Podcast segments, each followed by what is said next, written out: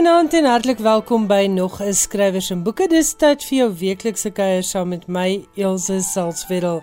Jy is ingeskakel op RSG en onthou vir mense wat oor see woon, laat weet gerus vir hulle dat hulle kan saamluister via ons webwerf by www.rsg.co.za. En onthou alles wat ons op RSG uitsaai, ook hierdie program is as potgooi beskikbaar.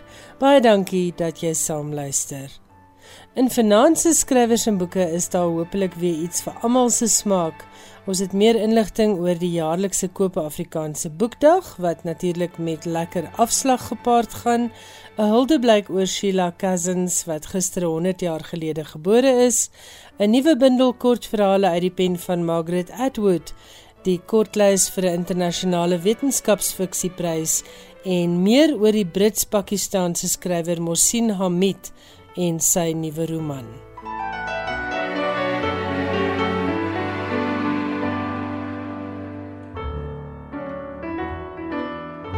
Die bekroonde Kanadese skrywer Margaret Atwood het geen bekendstelling nodig nie en haar aanhangers kan uitsien na 'n splinternuwe bundel kortverhale. Johan Meiburg vertel meer. Margaret Atwood se uitgewer, Vintage, het aangekondig dat 'n bundel nuwe kortverhale van die gevierde Kanadese skrywer binnekort verskyn. Die bundel Old Babes in the Wood bevat 15 verhale en dis die eerste fiksie wat Atwood uitbring na The Testaments van 2019, die boek waarmee sy die Boekerprys gewen het. Dit was in die jaar toe Atwood en Bernardine Evaristo die prys gedeel het. The Testaments was die opvolg van The Handmaid's Tale wat in 1985 verskyn het. In sy reklamemateriaal beskryf die uitgewer Old Babes in the Wood as verhale wat die weefwerk van ervaring verken.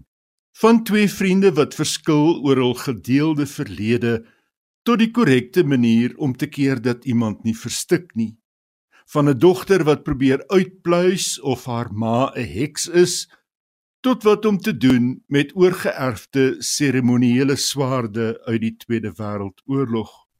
Oor die bundel sê Atwood Old Babes in the Wood is iets van 'n allegaartjie soos die lewe. Die slegte is daar soos in die lewe het 'n verhaal oor 'n vrou wat in haar binneste eintlik 'n slak is iets te sê oor ouderdom. Miskien is geliefdes wat dood is werklik dood in die ware sin van die woord. Miskien nie. Is katte wat hulle voorgee om te wees. Miskien nooit. Atwood se mees onlangse publikasies is Burning Questions, 'n versameling opstelle wat vroeër vanjaar verskyn het, en Dearly, haar eerste bundel gedigte in meer as 10 jaar wat in 2020 verskyn het. Margaret Atwood se Old Babes in the Wood word uitgegee deur Vintage. Johan Meiberg het gesels oor Margaret Atwood se kortverhaalbundel Old Babes in the Wood. Sheila Cousins, ongetwyfeld een van die bekendste name in die Afrikaanse letterkunde, is gister 'n 100 jaar gelede gebore. Jy kan nou luister na 'n dokumentêre program oor haar lewe en werk wat ek in 2019 saamgestel het uit ekstra klank vir 'n televisieonderhoud. Cousins self lees van haar gedigte voor en lig ook die sluier oor haar ryk verbeeldingswêreld. Sheila Cousins was onder meer skilder, vertaler en kortverhaalskrywer maar dis veral as digter wat hierdie Hertzogpryswenner vir haar 'n plek oopgeskryf het in die annale van Afrikaans. Vanaand in skrywers en boeke kan jy luister hoe sy self oor haar werk praat en ook enkele gedigte voorlees. Die opnames kom uit ons argiewe en was aanvullende opnames wat gemaak is tydens die maak van 'n dokumentêre TV-program oor Cousins se lewe. Baie dankie aan Hulet Pretorius wat my laat weet het van die bestaan van hierdie onderhoud. Sy het geskryf dat sy in 1984 gevra is om 'n 6 minuut lange insetsel te gaan maak vir televisie oor hierdie onderhoud wat Amanda Botha met Sheila Cousins gevoer het. Dit is by die Mount Nelson gevoer en was die eerste en besmoontlik ook die laaste onderhoud wat Cousins toegestaan het nadat sy in 1982 na Suid-Afrika teruggekeer het. Hilet het vertel dat die gesprek egter so interessant was dat sy opdrag gekry het om aan te hou opneem. Die resultaat was byna 2 ure se ongeredigeerde beeldmateriaal wat sy later op band gesit het en aan die SABC klankargiewe geskenk het. En ek het hierna gaan luister en die grepe in finansie program kom alles uit daardie klankopnames. Ek hoop jy geniet die program.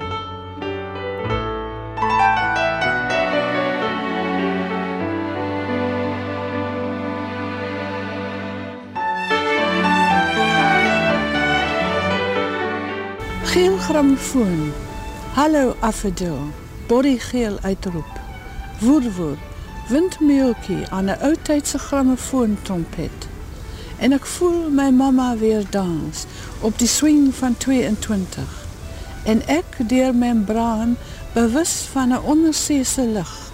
Die lampe skitter. Die polsing en meermin sang van tromme en saksofoon. Tot ek verbaas skiet gee en trappel met mama saam. Jy's mooi afdal uit die donker grond, die stil, koue, donker grond. Hallo, goodbye, geel grammofoon. Uh, ek ek het in Barcelona in die tuin van my huis het ek gekyk hoe pragtig lyk die afdelle toe hulle begin blom een lentedag. En dit het my die inspirasie gegee En rukkie daarna het ek gaan sit en ek het toe begin skryf Hallo Affedil Borgeel en toe steek ek 'n bietjie vas en toe uh, wel toe kry ek ten minste ek het gesê Hallo Affedil Borgeel uitroep. En toe uh, die blom van self verder 'n uh, uh, 'n oudtydse grammofoon trompet voorgestel. En ek ek het my voorgeboortelike herinnering voorgestel. Ek ek, ek weet natuurlik glad nie of ek ooit so iets gehad het nie. Maar die 'n gedig is 'n is 'n baie vreemde ding. Jy kan nie altyd hy neem die loop, jy weet met jou en jy volg maar. En gevolglik het ek gevolg en daar kom toe op die beeld van my ma wat wat verwagtend was, maar sy dans want hulle het baie gedans voor ek gebore was. En die musiek wat natuurlik toegewild was in daai tyd was hierdie vroeë jazz en die swing, jy weet. En en uh uh wel en nou stel ek my voor dat ek Want ek het ergens gelees dat 'n ongebore kind kan uh dinge waarneem. Hy sien lig byvoorbeeld deur die buik van die moeder.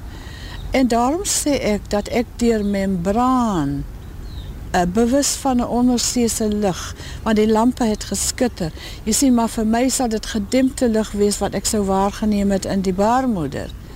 En ek is bewus van die onderseese lig dan en die polsing en meermin sang wat alles wat ek kan onderskei, jy weet, van die eintlik harde instrumente, tromme en saksofoon. Tot ek verbaas skiet gee en trappel met mama saam, jy weet. Ek stel my nou voor die, die ongebore kindjie weet raak opgehits deur die swing, die ritme daarvan en skop so, jy weet eintlik. Dan natuurlijk kom die nabetrachting. Ik kijk naar hem en ik denk, ja, wat het van hulle geword? Je weet, ik ben al daar die jeugdige Jolijt, je weet, het, van, daar, van mijn ma en nou en die daar. En toen ik die gedicht geschreven, het was al oorleden. Wel, mijn ma was in elk geval. En nou neem die gedagtes een wending, een beetje donkere wending. Daarom sê ik, jy is mooi afgedul uit die donker grond die stil, koue, donker grond waarin hulle ook neergedaal het. En dan net hallo, goodbye, geel grammofoon. Sheila Cousins is in Augustus 1922 op die Morawiese sendingstasie naby Piketberg gebore. Haar pa was van Ierse afkoms en haar ma Afrikaans en die jong Sheila het aanvanklik net in Engels skool gegaan. Sy is vir die eerste keer in Afrikaans onderrig aan die Hoër Meisieskool Pretoria en haar blootstelling aan Engels het gemaak dat sy aanvanklik in Engels en Afrikaans geskryf en gedig het. Sy was van jongs af lief vir skryf en was maar 6 jaar oud toe haar eerste kinderversies in die ATKV tydskrif Die Jongspan verskyn het. Sy het ook as kind reeds begin om haar versies en stories self te illustreer. Haar eerste gepubliseerde gedig was in 1937 in die ATKV tydskrif Taalgenoot en later het nog van haar werk verskyn in Huisgenoot, Naweek, Standpunt en 'n aantal letterkundige publikasies. Een van die verhale wat sy as tiener self geskryf en geïllustreer het, het verlede jaar by Imbali Academic Publishers verskyn. Die boekie Trevor in the Land of Fantasy is 'n verhaaltjie wat Cousin spesiaal vir haar jonger broer geskryf het. En sy het in 'n onderhoud voor haar dood vertel dat sy goed onthou hoe sy dit geskryf het in 'n hangmat in die Cousins gesin se tuin. Ek sou nou graag 'n brokkie lees uit uh, gestart is 1947, want ons het gepraat van die voorgeboortelike herinnering. Nou uh hierdie uh, gestart is 47 was geskryf toe ek 25 was. Ek het gedink dit is tyd om 'n autobiografie te skryf. Toe begin ek met die kind. En dit uh, hierdie gedeeltjie is net genoem die maan. Die kind is nou in haar bed en sy maak dit alles warm rondom haar.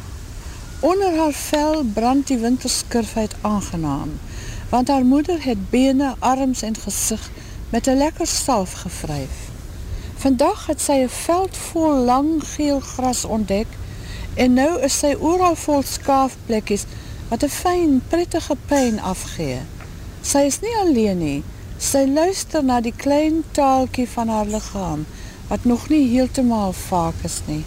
Sy kyk rond in die donker, tel blink puntjies en swart vlakke en hoeveel keer die gordyn van links na regs effens beweeg soos 'n slinger, soos 'n persoon wat heen en weer loop. Dan kom die maan. Die kind weet nou al wat die maan wil hê, waarheen hy gaan. Stil en skelm kom die maan hierheen. Eers net 'n wit streepie agter die gordyn, dan 'n wit skyfie, dan 'n ronde wit ding se helfte, dan 3 kwart van 'n ronde ding, langsaam, onafwendbaar. Die maan wil die kind hê. O ja, sy ken die man en sy weet dat hy alles van haar weet, meer as die ouers. En daar is nog iets omtrent die man, iets wat jy nie kan vertel nie, want het is te vreemd. Die man is lang gelede. Sien, jy kan het nie sê nie. Die kind weet al hierdie dinge omtrent die man, terwyl haar kop onder die komberse is. Haar kop is onder die komberse, omdat sy natuurlijk bang is vir die man. Nie, En dan verder in die boek, teen die slot eindelijk, gedink, uh, yes, ek stel my voor, terwijl ek hier die brief, uh, soos ek die boekie geskryf, soos ek gesê het, was ek maar eindelijk in my 20 jaar jare, en uh, die stad nou waarna ek verwijs is naamloos, maar het was eindelijk Londen gewees.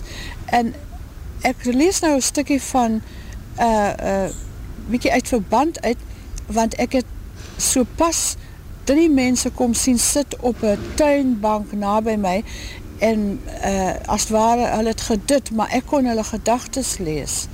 En, maar het was baie geheimsinnig.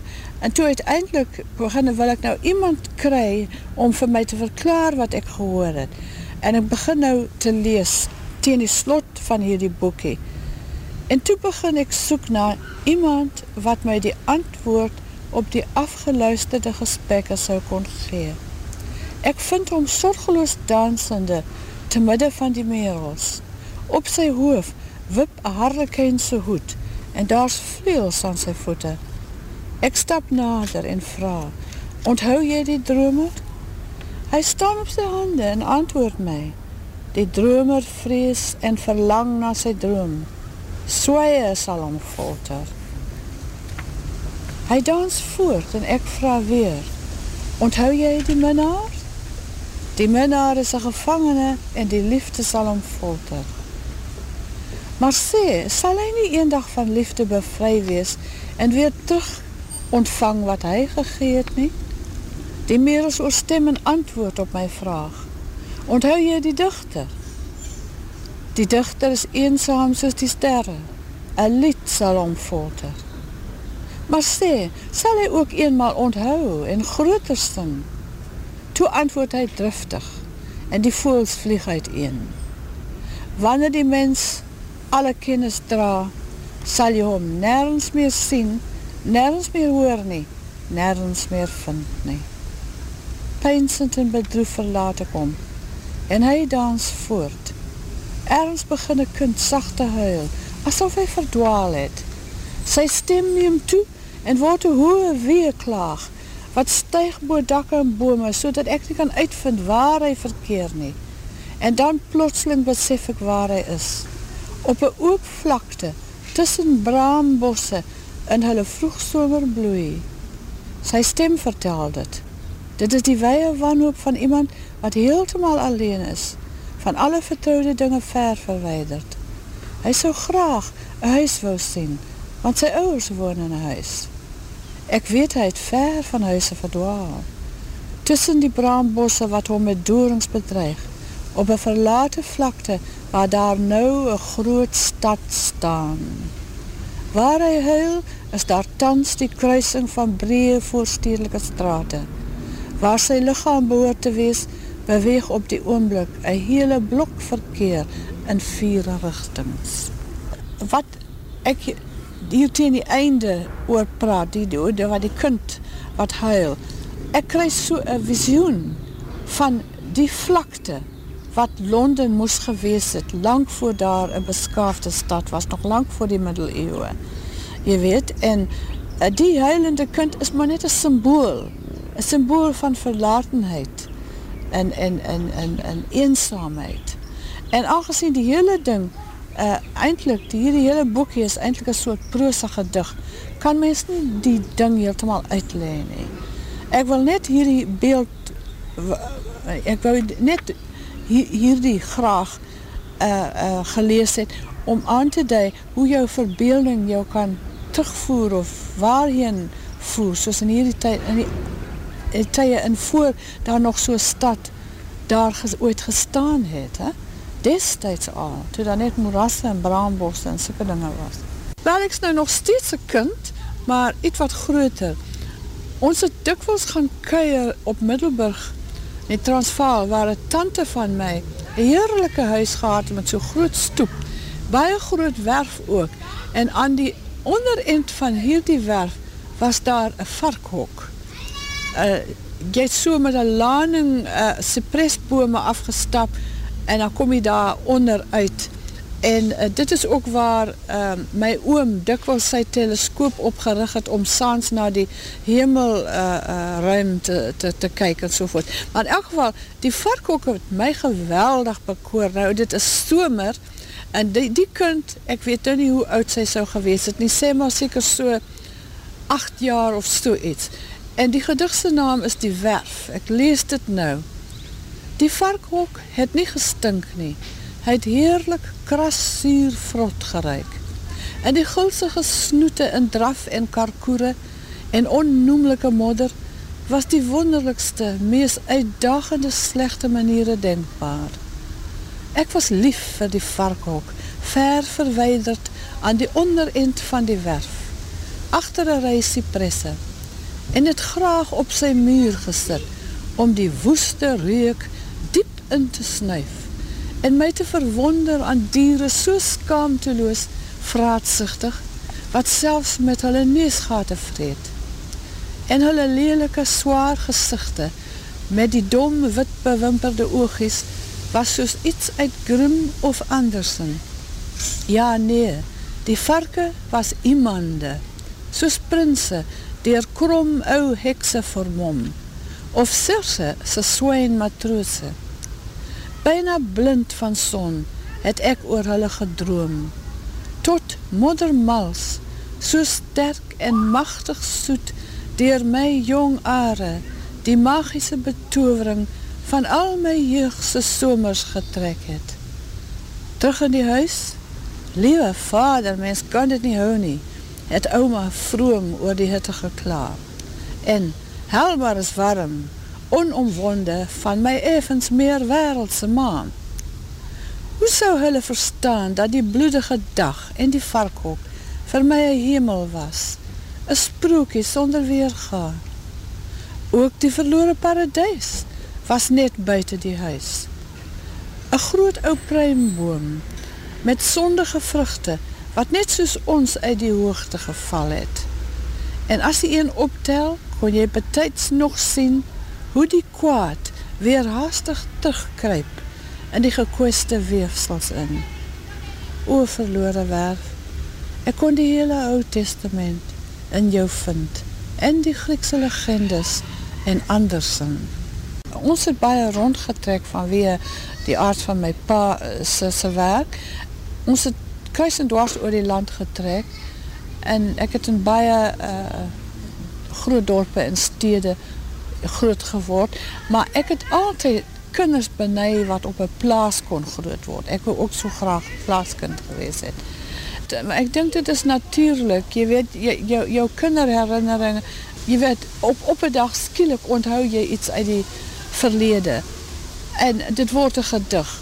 Ek weet daar ek het een gedig geskrywe omtrent 'n treinreis, ook 'n vakansie waar ek praat van die plakate wat mense destyds nog op die stasies gesien het jy weet, en sovoorts, en hoe, hoe dit, die, die stasieperronne my altyd so geweldig opgewonde ge, laat voel het. Jy weet, as, dit, as ons nou staan en wacht vir die treine om stil te staan, dat ons kan inklim.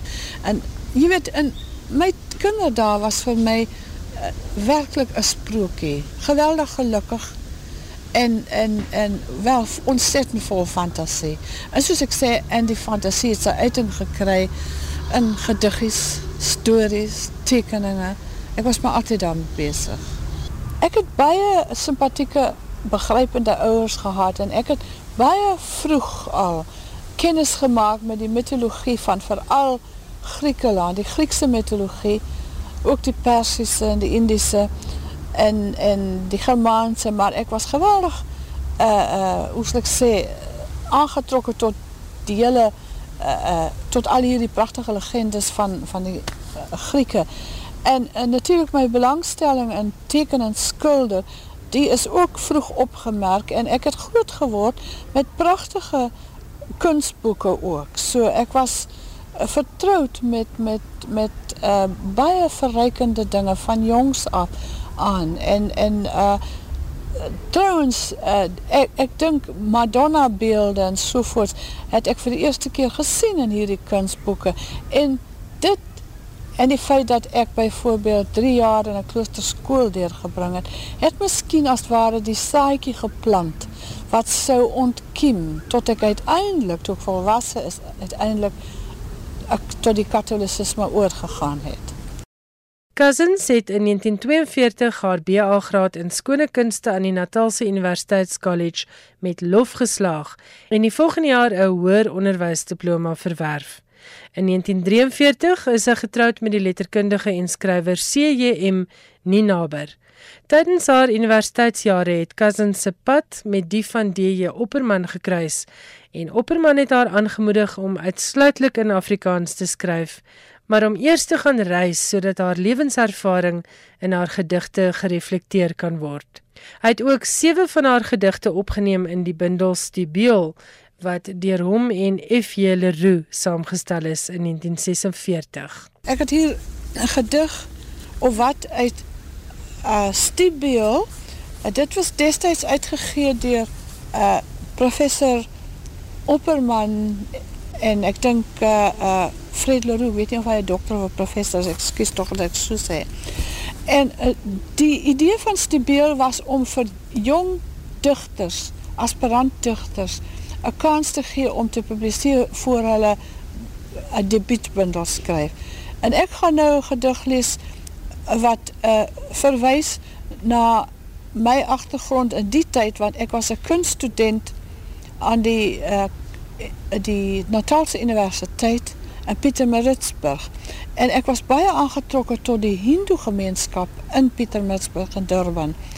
En wel, hierdie gedig is, noem ek hindoe tempel. Ek moes 20 of so gewees het toe ek het geskryf het. Dun rook van mirre, wieg in my, en wenen te wieg die wederwees. Hul swaal geel skouwers om die vlam, wat sidder uit die offerram.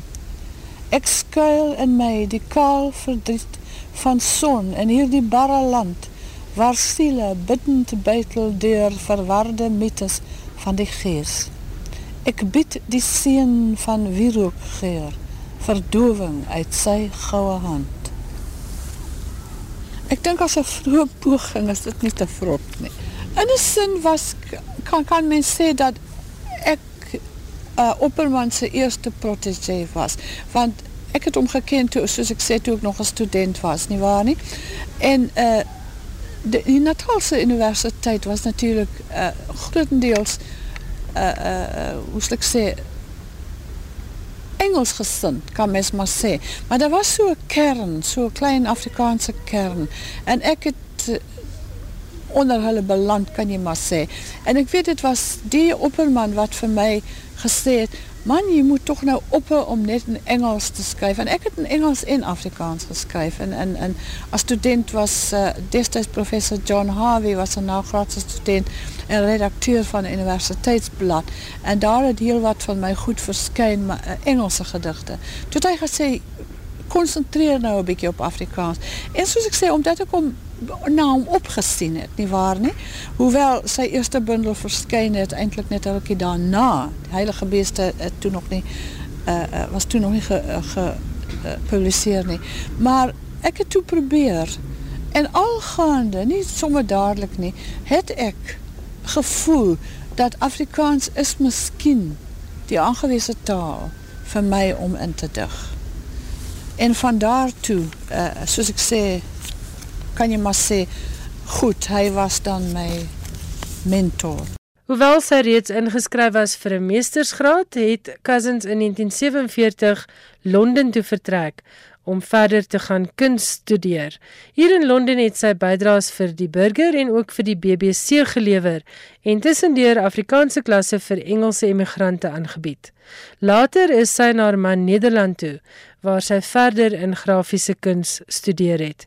In hierdie tyd het sy ook van tyd tot tyd by Radio Nederland in Hilversum gewerk en veral gehelp met Afrikaanse programme. Sy het ook vir 'n kort rukkie by die Suid-Afrikaanse ambassade in Den Haag gewerk. In Nederland het haar pad gekruis met verskeie bekende Afrikaanse letterkundiges, onder andere TT Kloete, Merwe Skols, Elise Botha en Van Wyk Lou. En sy en Van Wyk Lou het jare lank 'n verhouding gehad terwyl albei nog getroud was. Dit was ook hier in Hilversum wat sy haar tweede man, die Spanjaard Juan de Saladigras, ontmoet het. Hy was verbonde aan die Spaanse diens van Radio Hilversum. In 1957 aanvaar Sheila Cousins die Rooms-Katolieke geloof en in 1965 trou sy met Juan nadat sy haar eerste huwelik in die oë van die kerk ongeldig laat verklaar het. Die paartjie vestig hulle in Estartit, 'n kusdorp in die provinsie Barcelona, waarvandaan hulle later jare na Katalonië verhuis het. In 1970 debuteer sy met die bundel Plektrum, waarin 'n paar van die temas in haar latere werk, soos die religieuse en die soeke na betekenis, reeds verken word. Ek dig vir hulle wat kom en kom hulle nie, dan dig ek. Dig ek alles weer golwend vry. Dig ek alles weer stromend terug tot in daardie onstuimigheid wat is voor Abraham was. In 1974 word Suid-Afrikaners geruk toe hulle lees dat Cousins ernstige brandwonde opgedoen het in hulle vakansiehuis in Estartit nadat 'n gasstoof ontplof het. Sy is eers 3 dae later deur haar seun gevind. Presies hoe ernstig haar beserings was, kan 'n mens maar net aflei as jy lees dat sy 2 jaar in die hospitaal deurgebring het waar tydens sy 'n reeks veloorplantings en amputasies ondergaan het. Sy het 3 vingers aan elke hand verloor en ook haar regterbeen wat bo die knie afgesit is. Hierna moes sy van voor af leer skryf en leer loop. Dit het haar egter nie gekeer om weer te skilder nie en na haar ongeluk het sy 10 digbundels gepubliseer in net meer as 10 jaar. In 'n latere koerantonderhoud het sy vertel dat die pynlike hersteltyd en die maande in die hospitaal 'n soort geboorte was wat haar gehelp het om ware vreugde te leer ken en waardeer. Orrel. My sintuie is verwisselbaar. Hoor kleure, beluister geure skarlaken trompetter. Peper is 'n pizzicato en bruin roffel. En somer, somer veral, trek dier die neus. Son is seepkook. Wololie van warm lucht verras my, soos die zweet van krijgers, wanneer uie stoom in een pot. En iemand is daar, so fijn sensueel gezond, dat hy in slaap neute en lauw melk is, en wakker, gloeiende augustus, in een sonbeestie dinnebos. En elke jaar getij, kies sy sintuie uit. Winter is piere oor, en mengele weer, tot elk en elk die ander erken. En popelend van kreature, verwikkeld contrapuntaal, om die ronde jaar, die groot Teideum galm, met al die registers oop. Al wat ek wil sê is dat vir die dichter natuurlijk is wat hy sintuiglik waarneem van groot belang en dit is inderdaad so dat mense sintuie verwisselbaar is. Dit, dit, jy, jy kan praat daarvan dat jy klanke, ho, ho, uh, kleren hoor, uh, dat jy geure, uh, uh, hoe sal ek sê, kan beluister. Nadat sy en haar man vervreemd geraak het, het Sheila Cousins in 1982 in Kaapstad kom woon. Vanaf 1983 is sy dikwels genooi as gasspreker by die Universiteit van die Wes-Kaap en sy het ook opgetree as leier van DJ Opperman se letterkundige laboratorium aan die Universiteit van Stellenbosch. Ek woon baie naby die kompanjiestuine in Kaapstad en ek is dikwels in die tuine. Dit is vir my so 'n soort van verlengstuk van my woonruimte. En ek gaan nou twee gedigte lees wat eintlik uh, geïnspireer is deur uh, so sit en rond kyk in die kompanie tuine. Eerste een wat ek gaan lees is genoem Wonder. Uh, ek moet net hier sê, ek het daar gesit sonder 'n gedagte in my kop en dit was al amper tyd om terug te gaan, want hulle sluit die hekke om een sekere uur in die middag, in die vroeg aand tenminste. En ek sien toe, ek sit daar, soos ek sê, with blow all in my head, en toe sien ek een kelnerinniekie kom uit, wat nou huis toe gaan, is moet sekere trein haal of so iets, en sy huppel so verby en sy vang my aandag en ek kry die ingeving en ek soek iets om op te skryf en ek het niks nie behalwe 'n sigaretdoos hè en toe het ek maar daar in die paar gedagtes neergeskryf huis toe gegaan onmiddellik as gelos en gaan sit en toe kom die hele res van die gedig. En toe het al wat oorgebly het was net 'n bietjie bewerk en afwerk. Dit is trouens die prosedure altyd in my geval die ding kom so dat ek alles moet los, hy kom amper hoeslik sê, soos a, a, a, dit is een soort diamond, dit pak jou beet, jy moet dit gauw neerkry, en maar dit wil nie sê dat alles wat ek skryf somme ingegee is nie, daarna kom eindelijk die werk eh, daaraan, soos ek sê, dit moet bewerk word, en dit moet afgewerk word. Wel, die eerste een noem ek wonder. Sy is jong, sy is lenig, sy is licht soos een druppel, Sy is bruin, bykie lelik, klonterige trekke. Haar oe is donker, sommer net donker. Haar haare is ook maar sommer so. Sy vaar oor die grond op haar vinnige voetjes, so seker soos enige ballerina. Sy boei my aandag totdat sy weg is. En ek wonder van vooraf oor hierdie wereld. Die meng meng wees wat ek nie kan ontfrons nie waarin ek thuis ongedurig onthuis is en geen alternatief wat ek kan bedink nie. En weg moet ek ook nou, al wil ek nie juist nie. Haas my skaars siende, die hekke gaan sluit. Snaaks hoe makkelijk mens leer aanvaar. En sien nou glad niks nie van wie een woord. As ek aanvaar, onthou ek iets beters en dan verbaas, die wonder oor beter. Is dit nie die einste beter dalk self nie? En wrevel, net prikkel, op dat ek kan wonder.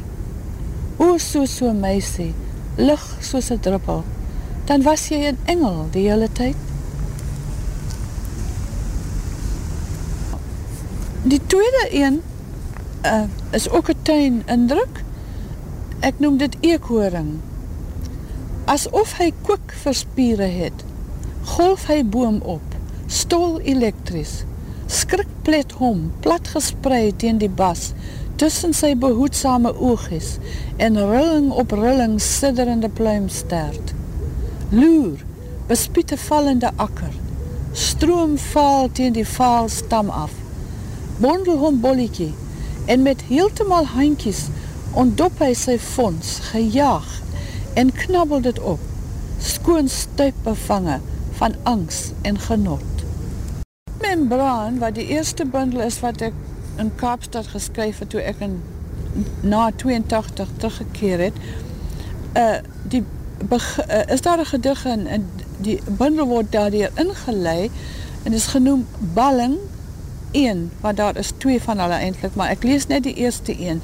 En dit het ek van die bestaan van hierdie gedig het ek heeltemal vergeet. Ek het dit toevallig ontdek in Kaapstad in 'n sketsboek van my waar ek 'n uh, maande indien nie 'n jaar of twee vroeër sommer tussen die tekeninge deur hierdie gedig geskryf het.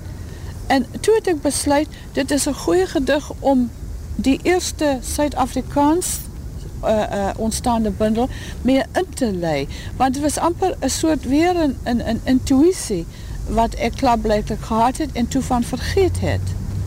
Ek vergelijk die komst van die Spaanse somer uh, uh, met die, die, die teenoorgestelde seisoen in Zuid-Afrika, so sal blyk uit die lees daarvan. Heel dag, kort kort die hele meidag al wimpel fyn vaal reëngas oor hierdie berg se arm grind. Eilgroen en blertse okerbesembos in bloei tot by die eerste dakke baksteenrooi en grys. Ou tuine ruig en ouer mure krom. Die somer kom 'n swart verklemde merel sonder sang kom traag 'n wee sleepsel slakkegang ver hier vandaan vlamblare rooi en lug en lig en ligte laaie blou. Daar blink die reën, blink kachelvure en blink die kleinste nietigheid wat ek onthou. Die somer kom, maar ek gaan winter toe. In 1985 het sy tydelik teruggekeer na Spanje, maar van 1986 tot met haar dood in 2004 het Sheila Cousins in Kaapstad gewoon. Die laaste 7 jaar van haar lewe is sy versorg in Nazareth House, 'n Katolieke inrigting in Kaapstad.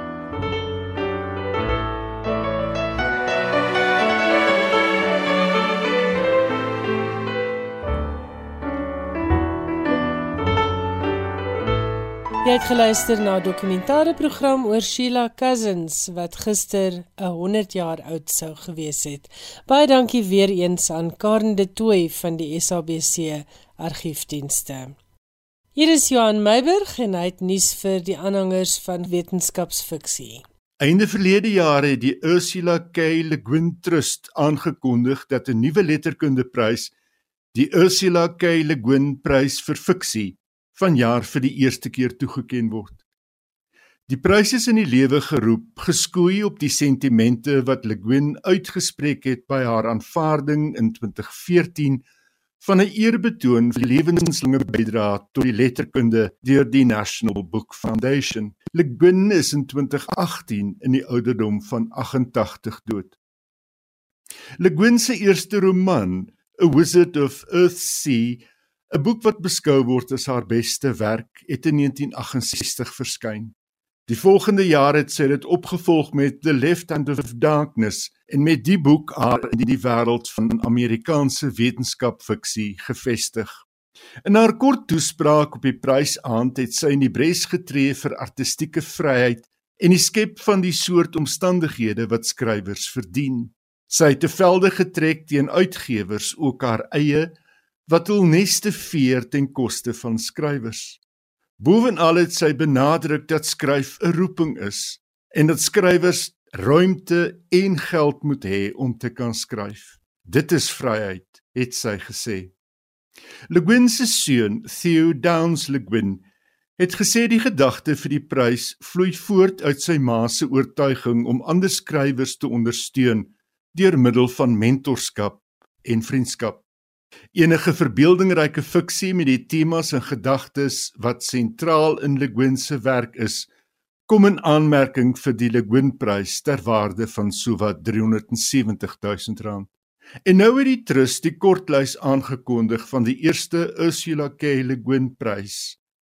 In alfabetiese volgorde die titels After the Dragons deur Cynthia Zhang 'n debuut wat geplaas is in Beijing in die greep van 'n siekte wat deur klimaat aangebring is.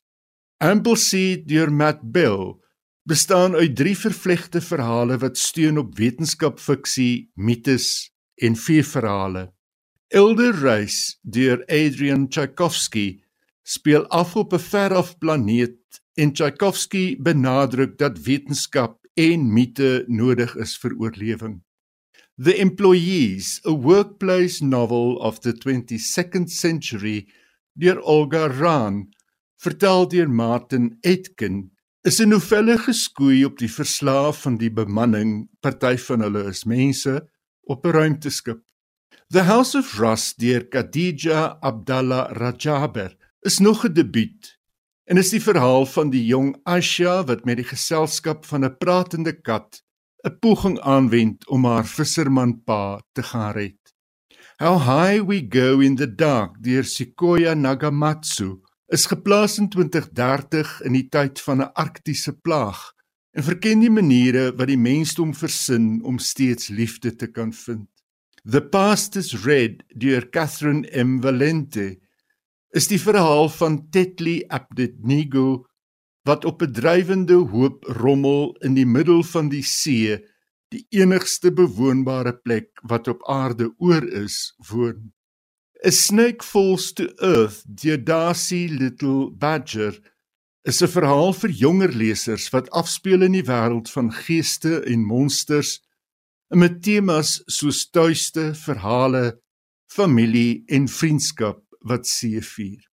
Summer in the City of Roses deur Michelle Rose Keel word beskryf as 'n punk rock feesverhaal oor 'n meisie wat in Portland van die 1990s gaan soek na haar broer wat die pad gevat het. Die wenner word op 21 Oktober, die geboortedag van Ursula K. Le Guin, aangekondig. Skrywers en boeke, alles wat jy oor die boekewêreld wil weet en meer. Koop Afrikaanse Boekdag word jaarliks op 14 Augustus gevier. Sheraldine van der Merwe van die Vriende van Afrikaans of die VVA, 'n divisie van die ATKV, vertel waar boekliefhebbers vanjaar afslag op hulle boekinkopies kan verwag. Die Vriende van Afrikaanse Kop Afrikaanse Boekdag vind hierdie jaar plaas op Sondag 14 Augustus. Kop Afrikaanse Boekdag is in alle opsigte 'n wen-wen geleentheid vir lesers vir skrywers, vir uitgewers en vir boekwinkels. Lesers kry afslag op die boeke waarvoor skrywers tantieme verdien. Dit beteken hoe meer boeke verkoop word, hoe beter vir die Afrikaanse boekbedryf in die geheel. Maar wat vir die VVA belangrik is met hierdie boek om is om te verseker dat die geskrewe woord, die Afrikaanse geskrewe woord voort bestaan dat mense en kinders spesifiek toegang moet hê tot lekker Afrikaanse leesboeke. En as ons nie die boekbedryf gaan ondersteun nie, dan gaan ons later nie meer boeke kry wat ons kan aankoop nie. En ons wil graag mense aanmoedig om Afrikaanse boeke te koop. Omdat Kop Afrikaanse Boekdag hierdie jaar op 'n Sondag val het van die boekwinkels aangedui dat die promosie wel op Maandag die 15de Augustus aangebied gaan word. Ons wag natuurlik vir nog boekwinkels wat ons moet laat weet of hulle gaan deelneem. Die meeste van die boekwinkels en uitgewers landwyd is gewoonlik natuurlik baie gretig om op hierdie dag spesifieke um afslag aan te bied op boeke. Ons weet op hierdie stadium dat al die Protea boekwinkels reg oor die land gaan deelneem en dat hulle op 15 Augustus 'n promosie gaan doen waar jy 3 boeke kan koop, maar slegs vir 2 Afrikaanse boeke gaan betaal. Dit is natuurlik vir ons ongelooflik fantasties want dit moedig mense aan om daai boek wat jy nou al lankal wil hê mondelik in die hande kan kry waarvoor jy nie altyd die geld het nie.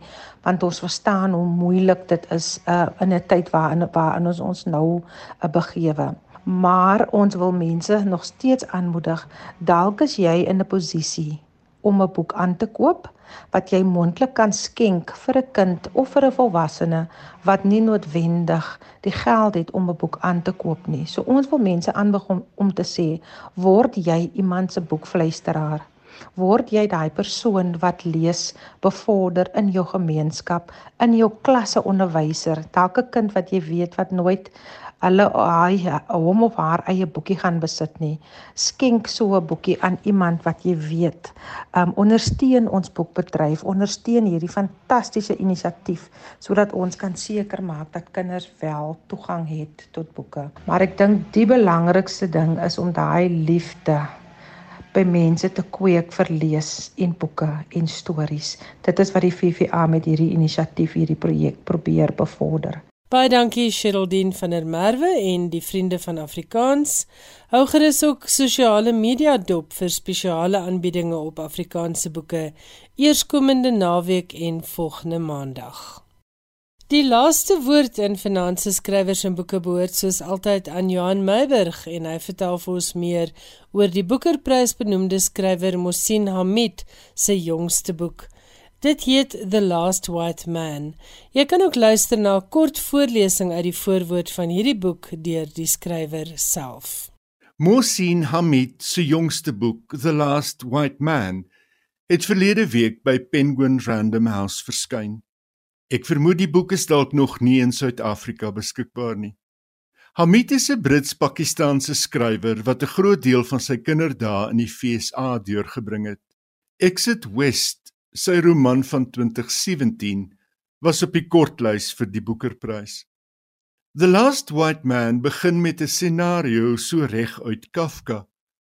'n Jong man met die naam Anders word een oggend wakker net om te besef dat hy bruin is. Die skok van die metamorfose laat hom opsluit die baas bel om te sê hy kom nie in werk toe nie. Die baas se antwoord is: As jy nie werk nie, betaal ek jou ook nie. Later besef Anders dis nie net hy wat bruin geword het nie. Hier is Mohsin Amit aan die woord oor the last white man. Hy lees 'n gedeelte voor uit die voorwoord van die boek. I had been offered a reminder that race is a construct. It is brought into existence by our imaginations, and from there it is deployed with real consequences. There are darker and lighter skin colors, of course, But these skin colors are in and of themselves no more meaningful than blood types. It is we who invent race and its terrible meanings. But though potent, our inventions are not stable. They sprang into existence not so very long ago. They are constantly changing, and one day they will be gone. I believe fiction has a strange power, a profound weirdness, that enables it to destabilize the collective imaginings we inherit and reproduce. Novels are created jointly by writers who write words and by readers who transform.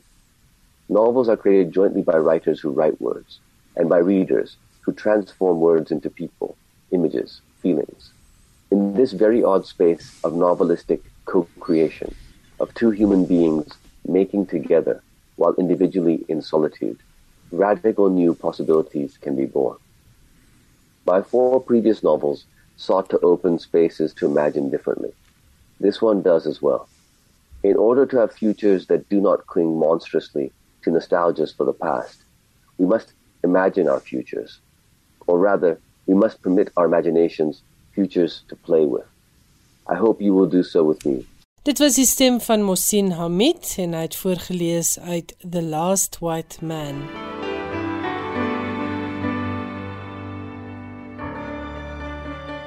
Dit bring ons dan aan die einde van Finansies skrywers en boeke. Onthou volgende Woensdag aand om 8uur is ek en Johan Meiburg weer terug met nog nuus uit die skrywerswêreld. Jy kan onder andere luister na 'n onderhoud waarin Suzette Kotse Meiburg gaan gesels met Chase Rees en hulle praat oor sy nuwe bundel rubrieke en kort prosa. Tot dan, mooi week, lekker lees en mooi loop. Totsiens.